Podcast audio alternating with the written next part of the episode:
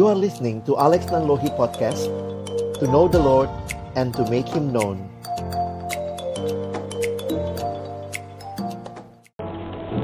Mari kita minta pertolongan Tuhan sebelum kita membaca dan merenungkan firman-Nya kita berdoa. Bapa di dalam kerajaan surga kami bersyukur kalau hari ini kami boleh merayakan kelahiran putramu Tuhan kami Yesus Kristus. Dan kami merindukan ketika kami berkumpul bersama-sama kami akan membuka firman-Mu ya Tuhan. Karena itu bukalah juga hati kami. Jadikanlah hati kami seperti tanah yang baik supaya ketika benih firman Tuhan ditaburkan itu boleh sungguh-sungguh berakar, bertumbuh dan juga berbuah nyata di dalam kehidupan kami. Berkatilah baik hambamu yang menyampaikan firman, setiap kami yang mendengarkan firman. Tolonglah kami semua, agar kami bukan hanya menjadi pendengar-pendengar firman yang setia, tapi kami dimampukan dengan kuat kuasa pertolongan rohmu yang kudus, menjadi pelaku firman di dalam kehidupan kami. Bersabdalah ya Tuhan, kami anak-anakmu sedia untuk mendengarkan. Di dalam satu nama yang kudus, nama yang berkuasa. Nama Tuhan kami Yesus Kristus. Kami menyerahkan jam pemberitaan firman-Mu. Amin. Silakan duduk.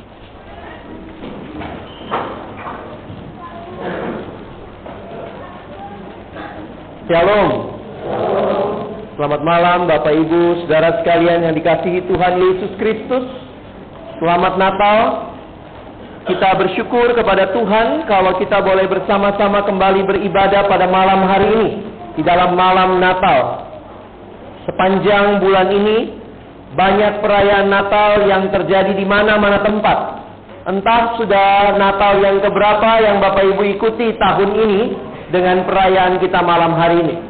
Tetapi biarlah kembali kita menyadari bahwa Natal seharusnya kita alami sehari-hari setiap hari melahirkan Kristus secara nyata di dalam segala aspek kehidupan kita. Malam hari ini kita akan bersama-sama merenungkan satu bagian firman Tuhan di dalam kitab Yeremia. Mari kita membuka dalam kitab Yeremia, kita akan membaca dua ayat di dalam bagian ini. Yeremia pasalnya yang ke-23 kita akan membaca ayat yang kelima dan ayatnya yang keenam. Di dalam perjanjian lama Yeremia 23 ayat yang kelima dan ayatnya yang keenam. Jika sudah menemukan, kita akan membacanya bersama-sama kedua ayat ini. Yeremia 23 ayat 5 dan ayat yang ke-6. Kita baca bersama-sama satu, dua, iya.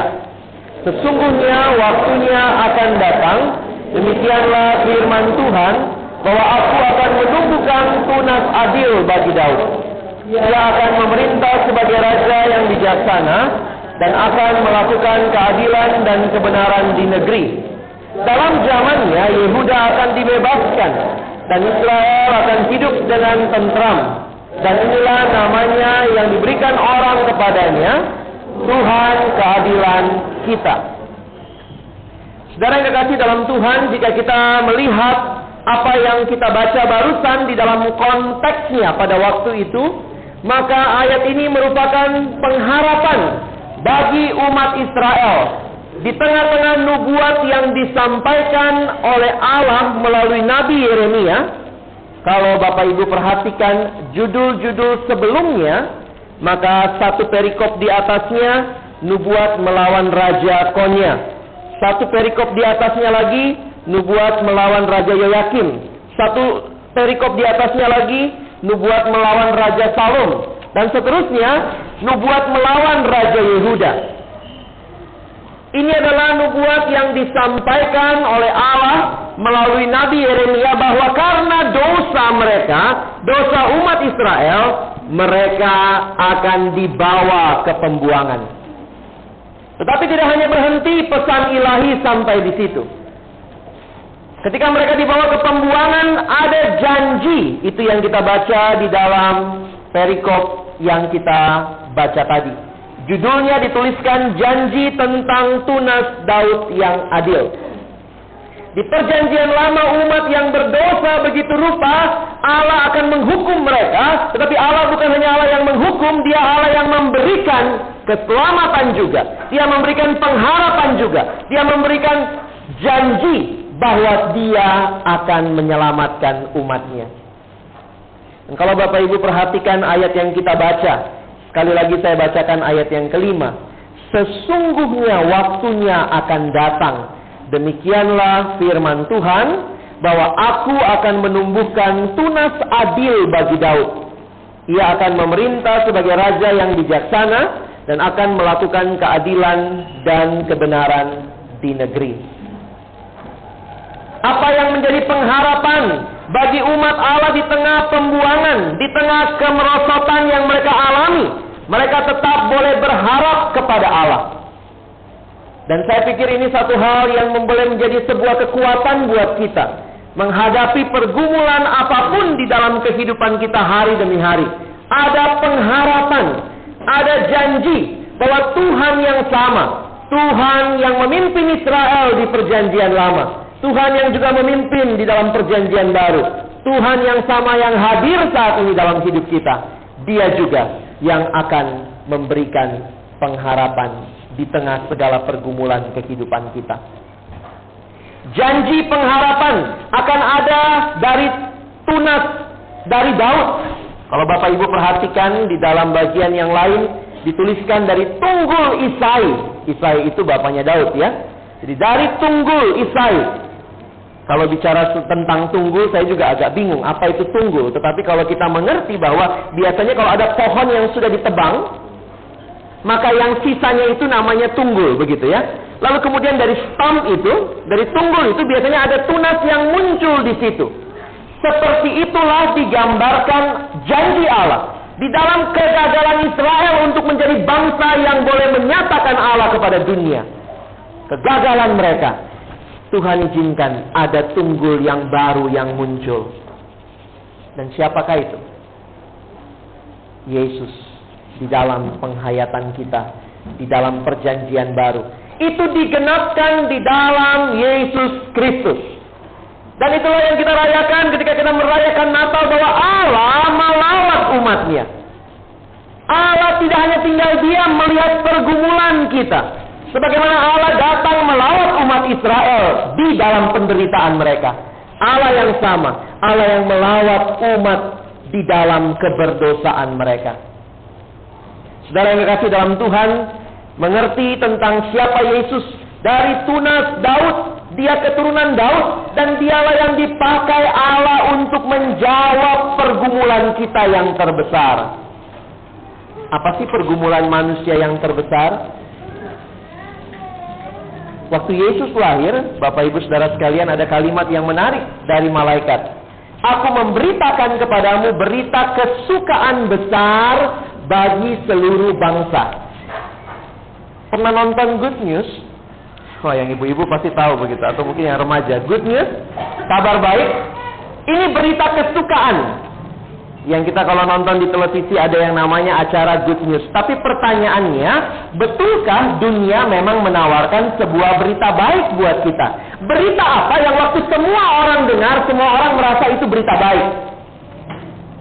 Nah zaman-zaman sekarang kalau kita pergi ke mall di akhir tahun ini katanya banyak good news. Discount 50% off. Is that a good news? Good news?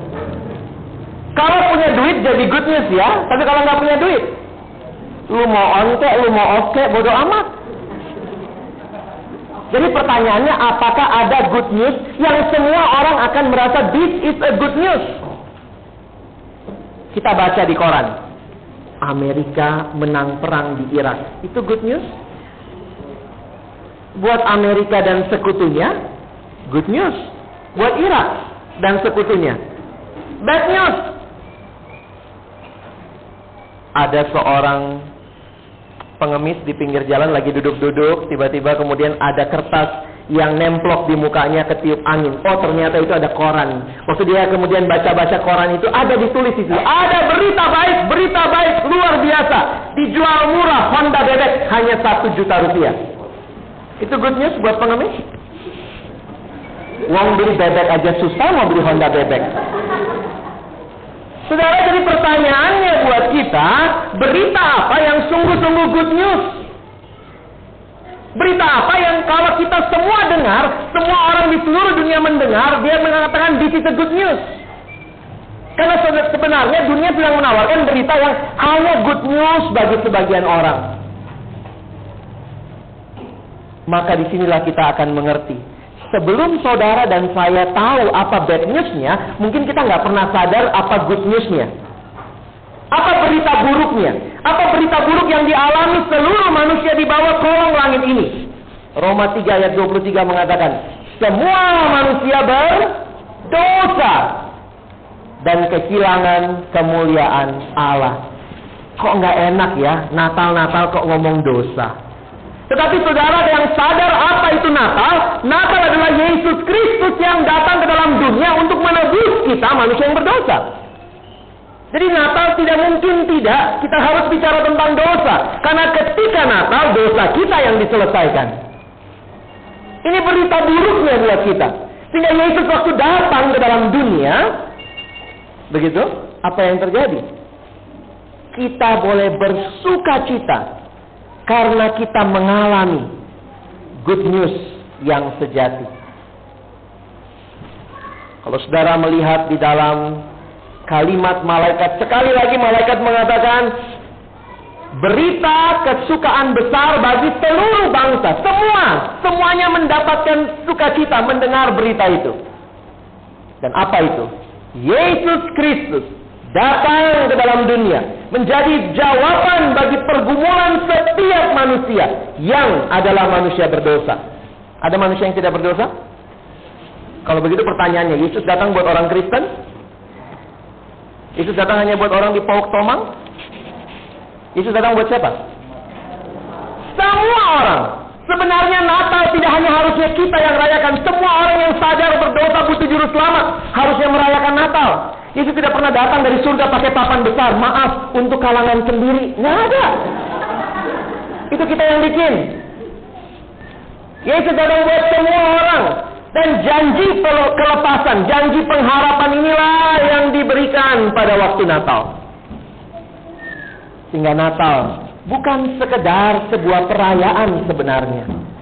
Tetapi Natal adalah sebuah perubahan besar dalam hidup kita yang mengalami Natal. Sebelum Bapak Ibu dan Saudara mengalami Yesus secara nyata, maka mungkin kita tidak pernah merayakan Natal. Karena Natal bukan masalah pohonnya. Natal bukan masalah perhiasan-perhiasannya. Tetapi Natal adalah masalah Yesus yang lahir pada waktu Natal. Bohong kalau kita bilang kita merayakan Natal, tapi tidak ada Yesus di hati kita. Lo ngerayain siapa? Ada cerita zaman sekarang ini memang Yesusnya dikeluarin dari Natal ya. Orang kalau bikin kartu Natal aja gitu ya. Merry Xmas, Mr. X yang lahir. Kalau kita Merry Christmas, siapa yang lahir? Christ, gitu kan?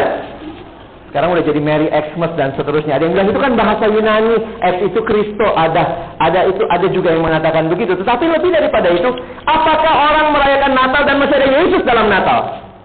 Malam ini kita merayakan Natal masih ada Yesus kah? Saya harap masih ada. Ada dua wanita yang diceritakan katanya begitu ya. Ada dua wanita lagi duduk di sebuah restoran terkenal.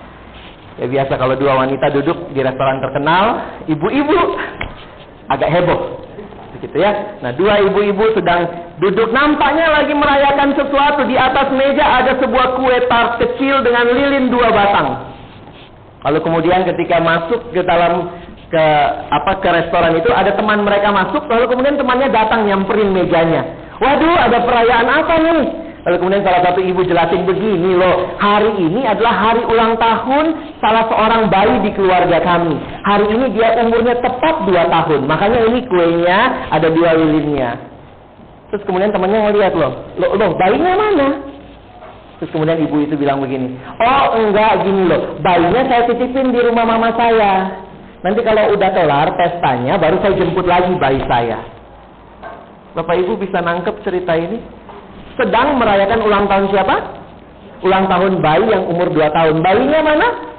Ditinggal di rumah. Repot kalau bawa bayi lagi pesta.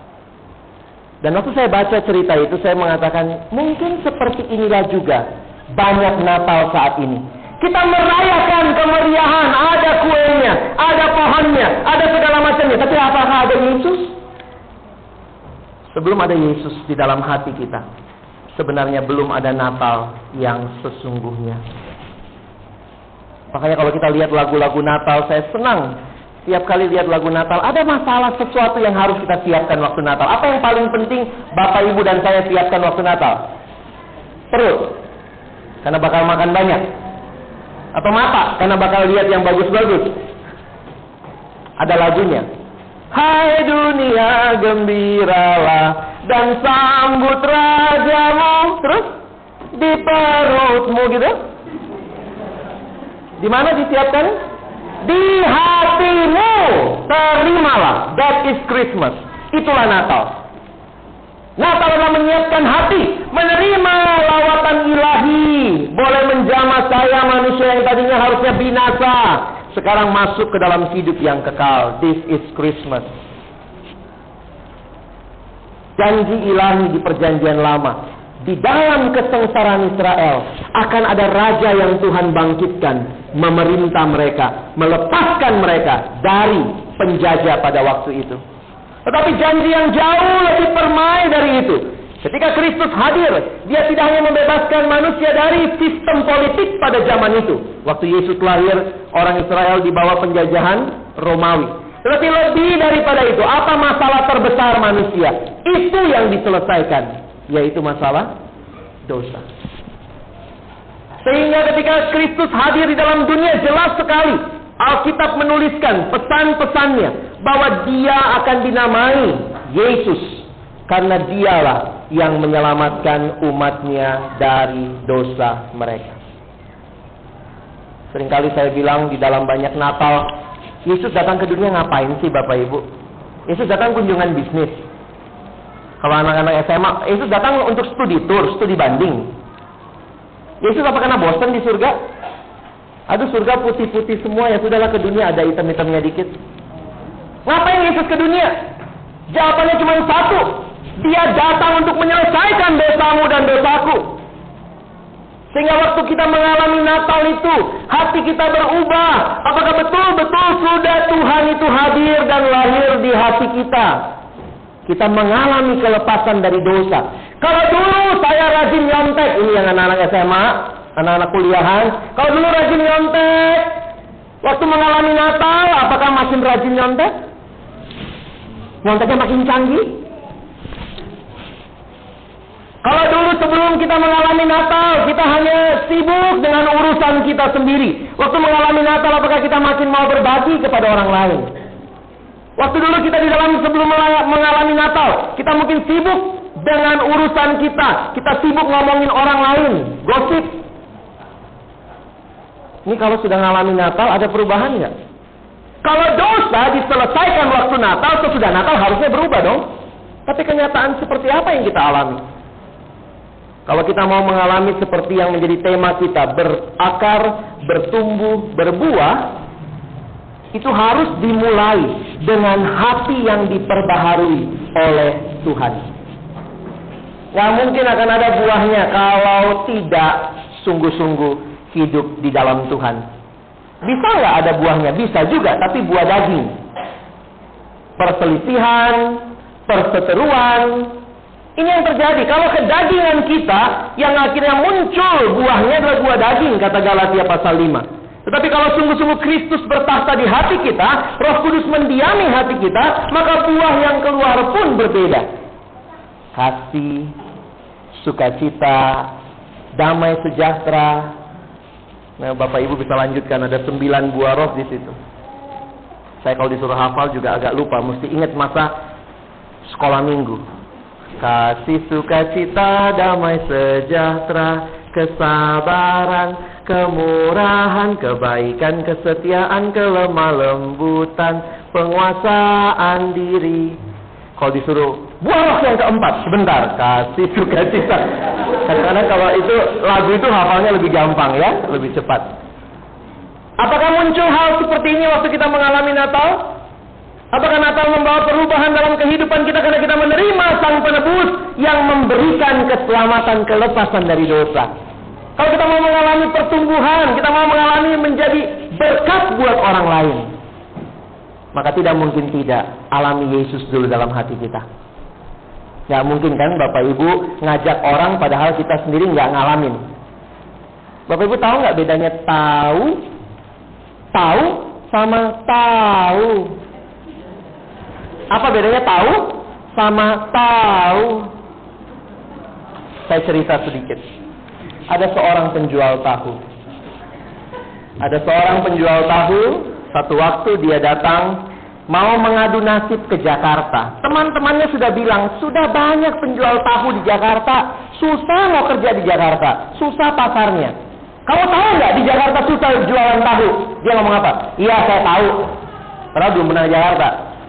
Tahu nggak? Tahu. Terus dari itu dia ke Jakarta.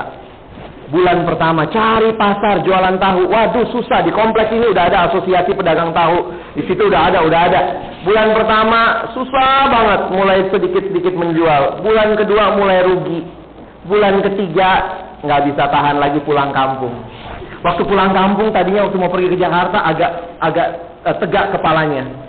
Begitu mau pulang kampung akhirnya nunduk gitu ya. Ketemu lagi sama temennya yang tadi nanya. Sekarang gimana? Udah tahu nggak di Jakarta itu susah jualan tahu? Iya, udah tahu.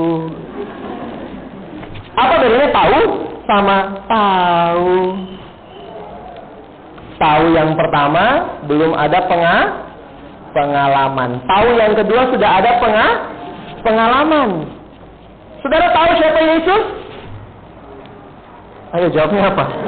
Saudara tahu siapa Yesus? Tahu atau tahu? Saya nggak mau buat bapak ibu jadi anak sekolah minggu di sini begitu ya. Tapi ini kenyataan bahwa sering kali kita mungkin hanya tahu Yesus sebatas pengetahuan saja. Tapi pertanyaannya kita alami nggak hidupnya Yesus di dalam hidup kita? Ini beda. Bapak Ibu mengerti kalimat Yesus juru selamat, itu baik. Tapi kalimat kedua, Yesus juru selamatku. Yesus maha kuasa. Yesus maha kuasa bagiku. Itu dua kalimat yang berbeda. Yesus baik. Dia baik bagiku. Kalimat pertama hanya tahu. Kalimat kedua tahu karena alami apa artinya dia yang baik dalam hidup kita. Jangan jadi calo Bapak Ibu. Tahu calo? Saya pernah cerita juga mungkin di sini ya. Saya kalau ke Bogor itu paling ingat itu ya banyak banyak tempat apa kalau pas pulang naik naik bus dari Bogor ke Jakarta ada di terminal itu berderet tuh berderet semua bus dan ada yang namanya calo itu orang yang paling semangat ngajak kita naik bus jadi begitu saya sampai di terminal kadang-kadang dari luar dari teriakin Priok, Priok, bukan. Ada lagi yang teriak, blok apa blok M, bukan. Uki, bukan. Saya arahnya Pulau Gadung. Jadi dia bilang, Gadung. Nah itu saya. Ha, saya naik bus itu. Dia yang paling semangat ngangkat tas saya. Begitu saya sudah duduk di dalam, ketika busnya jalan, yang tadi ngajakin saya malah nggak naik. Kenapa? Dia cuma calo. Calo itu paling semangat ngajakin, tapi dia sendiri nggak ikut. Saya harap kita nggak begitu ya. Wow, kenal Yesus, oh, kenal Yesus, kenal nggak? Enggak. Nggak mungkin dong. Kalau kita mau mengajak orang lain, karena kita terlebih dahulu mengalami. Makanya bagi saya waktu mengerti tentang berakar, bertumbuh, berbuah, sering kali kita mengkategorikan berbuah itu kalau kita jadi berkat buat orang lain. Berbuah yang pertama-tama adalah buah yang kita nikmati sendiri dulu. Sebelum buah itu kemudian boleh Tuhan pakai memberkati orang lain. Ini kehidupan kekristenan kita. Kalau kita alami Natal, maka kita mengalami Kristus yang sungguh-sungguh boleh menjadi Tuhan dan Juru Selamat. Lalu kemudian hidup kita diberkati, boleh jadi berkat buat orang lain. Dan tanpa Yesus yang saudara dan saya alami, maka sebenarnya Natal hanya sekedar perayaan dan bukan perubahan. Christmas is not only celebration, but Christmas is a transformation. Natal bukan sekedar perayaan, tapi Natal adalah perubahan, transformasi hidup. Hidup yang dulu di dalam dosa, alami Natal, sekarang berjalan di dalam terang. Israel mengalami kebaikan Tuhan. Hadir pemimpin yang menggembalakan mereka. Dalam perjanjian baru kita membaca, dialah gembala agung kita. Dia yang menjadi pemimpin menggembalakan hidup setiap kita. Waktu kembali kita rayakan Natal tahun ini. Apa yang mau kita persembahkan kepada Tuhan? Ini pertanyaan yang penting buat kita. Setiap kali merayakan Natal, sadari Allah telah memberikan segala-galanya buat kita. Sekarang apa yang mau kita berikan bagi dia? Persembahan hidup macam apa yang mau kita persembahkan bagi dia? Saya berharap kita persembahkan seluruh hidup kita. Karena dia sudah persembahkan semuanya buat kita. Bukan hidup yang menikmati dosa yang kita persembahkan. Tapi hidup yang menang hari lepas hari atas dosa. Bukan hidup yang tadinya begitu benci dengan sesama.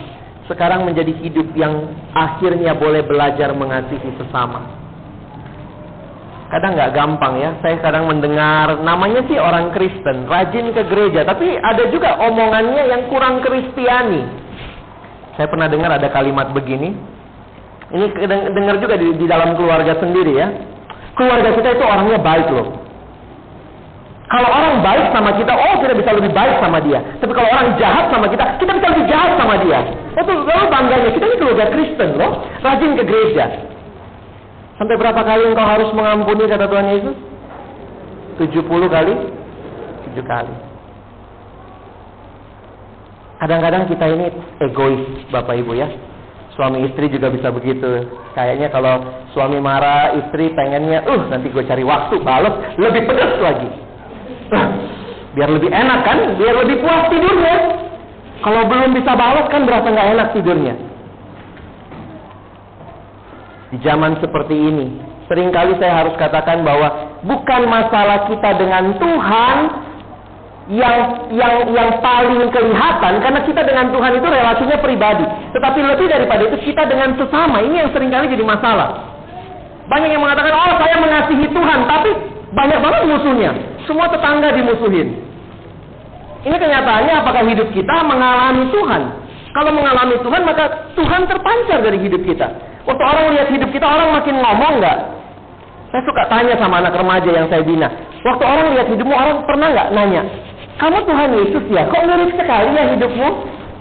Kan harusnya begitu ya hidup kita ya? Apakah Bapak Ibu ada yang pernah nanya, Om Tuhan Yesus ya? Bapak Tuhan Yesus, Ibu Tuhan Yesus ya? Banyak anak remaja waktu orang lihat hidupnya saya bilang sama mereka, hei, kalau hidupmu mencerminkan Tuhan, orang akan lihat Tuhan dalam hidupmu. Tapi kalau orang lihat hidupmu, dasar lu anak setan. Eh berarti siapa yang kelihatan? Ini kenyataan-kenyataan sederhana dalam hidup kita.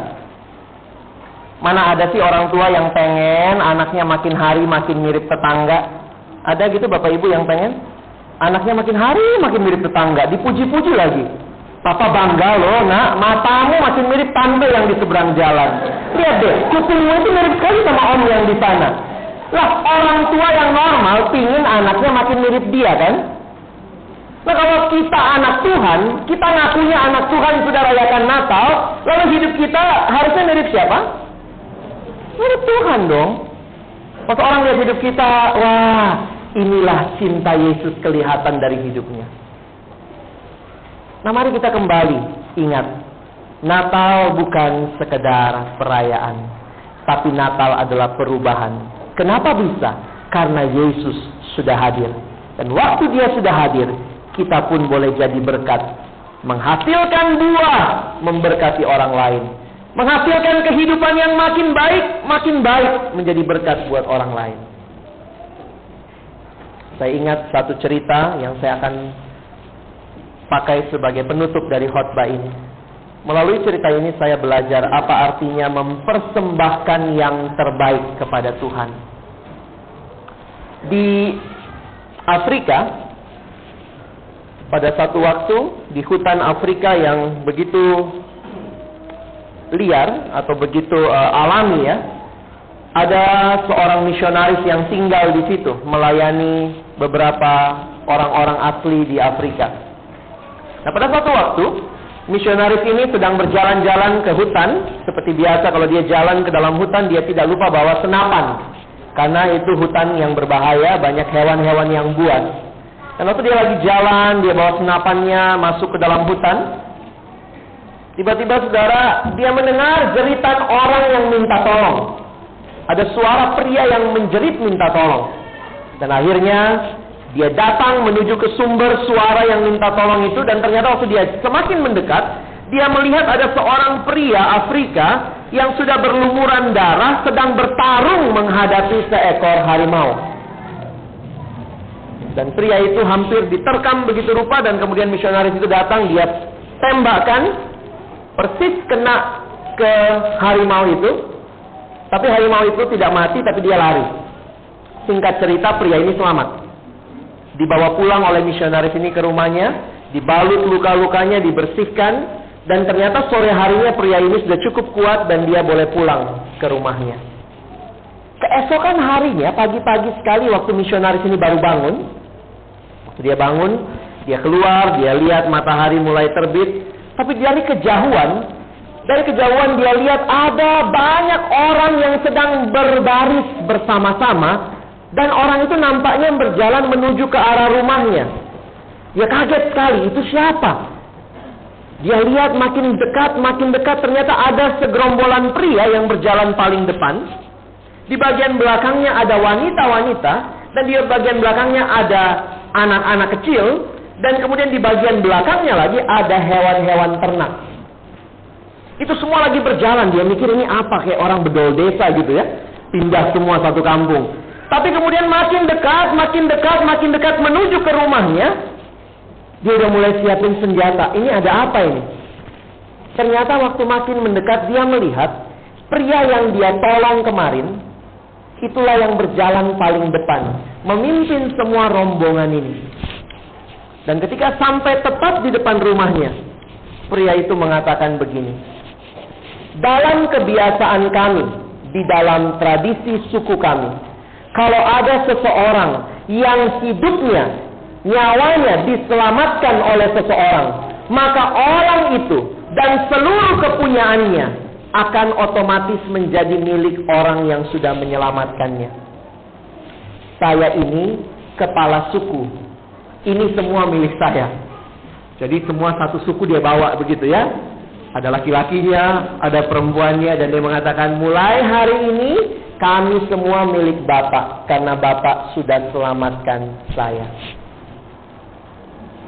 Dunia punya cara berterima kasih.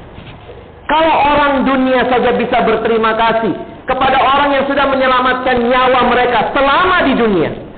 Bagaimana dengan saudara dan saya yang boleh menikmati keselamatan kekal bukan hanya di dunia, tetapi di surga nantinya. Siapa Yesus buat hidup kita? Dia yang berikan kita surga. Apa yang mau kita persembahkan kepada dia pada waktu Natal? Buah-buah apa yang mau kita persembahkan kepada dia ketika kita merayakan Natal?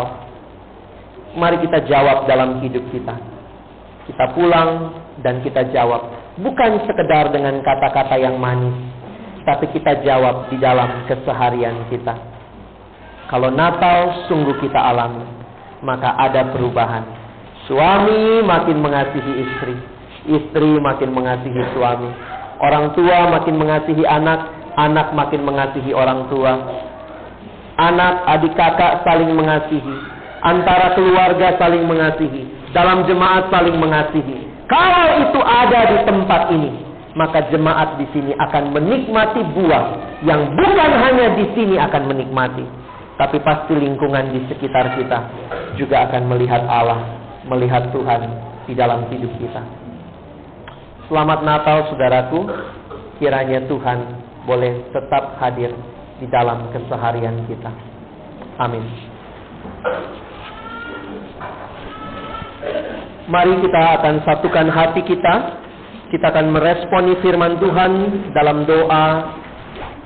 Sekaligus kita bersyafaat menaikkan permohonan kita di hadapan Tuhan. Kami bersyukur kepada Tuhan yang memberikan firman-Mu untuk kami baca dan renungkan malam hari ini. Firman yang mengingatkan kami bahwa Allah melawat kami, Allah menebus kami, Allah tidak meninggalkan kami di dalam keberdosaan kami, tetapi Allah menyediakan juru selamat, Tuhan Yesus Kristus, yang merupakan berita kesukaan besar bagi seluruh bangsa. Dan kami yang mengalami Yesus di dalam hidup kami, kami rindu. Kami boleh pulang dari tempat ini membawa perubahan itu secara nyata di keseharian kami. Kami berdoa ya Tuhan, biarlah ketika orang boleh melihat kehidupan kami, mereka juga boleh menyaksikan Yesus yang hidup di dalam diri kami. Secara khusus kami berdoa bagi perayaan Natal di mana-mana tempat yang sedang berlangsung malam ini sampai besok secara khusus ya Tuhan. Kami berdoa biarlah di mana-mana tempat ketika firman Tuhan diberitakan ada banyak orang yang datang dan juga boleh mendengar firman Tuhan. Boleh diubahkan hatinya karena mengalami Tuhan secara nyata di dalam Natal. Kami berdoa secara khusus bagi kami sekalian sebagai pribadi lepas pribadi, keluarga lepas keluarga. Kami kami pun merindukan kami boleh mengalami sukacita Natal yang sejati karena Yesus yang hadir di dalam hati kami. Secara khusus hamba berdoa menyerahkan untuk jemaat di tempat ini di Pauk Tomang Tuhan Engkau yang memimpin jemaat di tempat ini melalui kehadiran setiap pelayan-pelayan Tuhan, setiap majelis yang Tuhan berikan kepercayaan menggembalakan jemaat di tempat ini. Mari kiranya engkau yang juga boleh hadir di dalam setiap pergumulan mereka. Tuhan yang boleh memimpin jemaat ini boleh menjadi jemaat yang sungguh-sungguh berakar di dalam engkau, bertumbuh di dalam engkau, dan berbuah juga bagi kemuliaanmu ya Tuhan. Itulah yang mereka rindukan terjadi di dalam jemaat ini. Dan biarlah Natal kali ini menjadi momentum setiap kami kembali mengingat Tuhan sudah hadir di dalam kehidupan kami. Kami berdoa secara khusus juga untuk keamanan di Jakarta dan sekitarnya di kota-kota besar yang saat ini sedang merayakan Natal. Kiranya Tuhan Engkau memberikan keamanan di tengah-tengah kondisi yang mungkin kami dengar ada upaya-upaya yang menggagalkan keamanan pada saat Natal dan Tahun Baru nanti. Kami terus berdoa, Engkau Tuhan yang mengendalikan sejarah, Engkau Tuhan yang mengendalikan keamanan, kami menyerahkan diri kami bukan kepada manusia, tetapi semata-mata kepada Tuhan yang memimpin kehidupan kami. Kami juga mau menyerahkan ya Tuhan untuk kondisi bangsa dan negara kami. Di tengah-tengah segala pergumulan yang kami alami, kami merindukan kiranya kami sebagai anak-anakmu boleh hadir di tengah bangsa ini membawa perubahan, membawa terangmu nyata di dalam segala bagian bangsa ini. Bagi kami yang saat ini sedang duduk di bangku sekolah, Tuhan tolong kami belajar dengan baik. Bagi kami yang sedang duduk di bangku perguruan tinggi, Tuhan juga tolong kami boleh belajar dengan baik, mempersiapkan diri untuk membangun bangsa kami bagi kemuliaan Tuhan. Bagi kami yang bekerja di kantor-kantor di instansi-instansi pemerintah maupun swasta, Tuhan kiranya Engkau juga menganugerahkan kepada kami belas kasihanmu agar melalui pekerjaan kami orang lain pun boleh melihat Tuhan yang hadir. Bagi kami yang mungkin menjadi ibu rumah tangga, peranan yang mungkin dianggap banyak orang sepele, tetapi di dalam Tuhan tidak ada yang sepele. Karena ini juga peranan yang penting mempersiapkan anak-anak dan keluarga menjadi keluarga yang takut akan Tuhan. Engkau yang kiranya juga memberkati setiap ibu rumah tangga yang hadir di tempat ini. Tuhan kiranya bangsa kami boleh dibangun oleh orang-orang yang takut akan Tuhan. Yang boleh mengenal Tuhan di dalam kehidupan mereka. Sehingga mereka juga boleh mempersembahkan yang terbaik bukan semata-mata untuk kepentingan diri, tetapi bagi Tuhan dan bagi kemuliaan namamu. Terima kasih Tuhan, kami menyerahkan pemerintah bangsa kami di dalam segala kebijakan yang dilakukan. Kiranya Tuhan yang boleh memimpin sehingga semua kebijakan boleh ditujukan untuk kesejahteraan rakyat secara luas. Terima kasih banyak ya Tuhan, karena kami boleh menaikkan segala syukur, doa, dan syafaat kami di hadapan-Mu.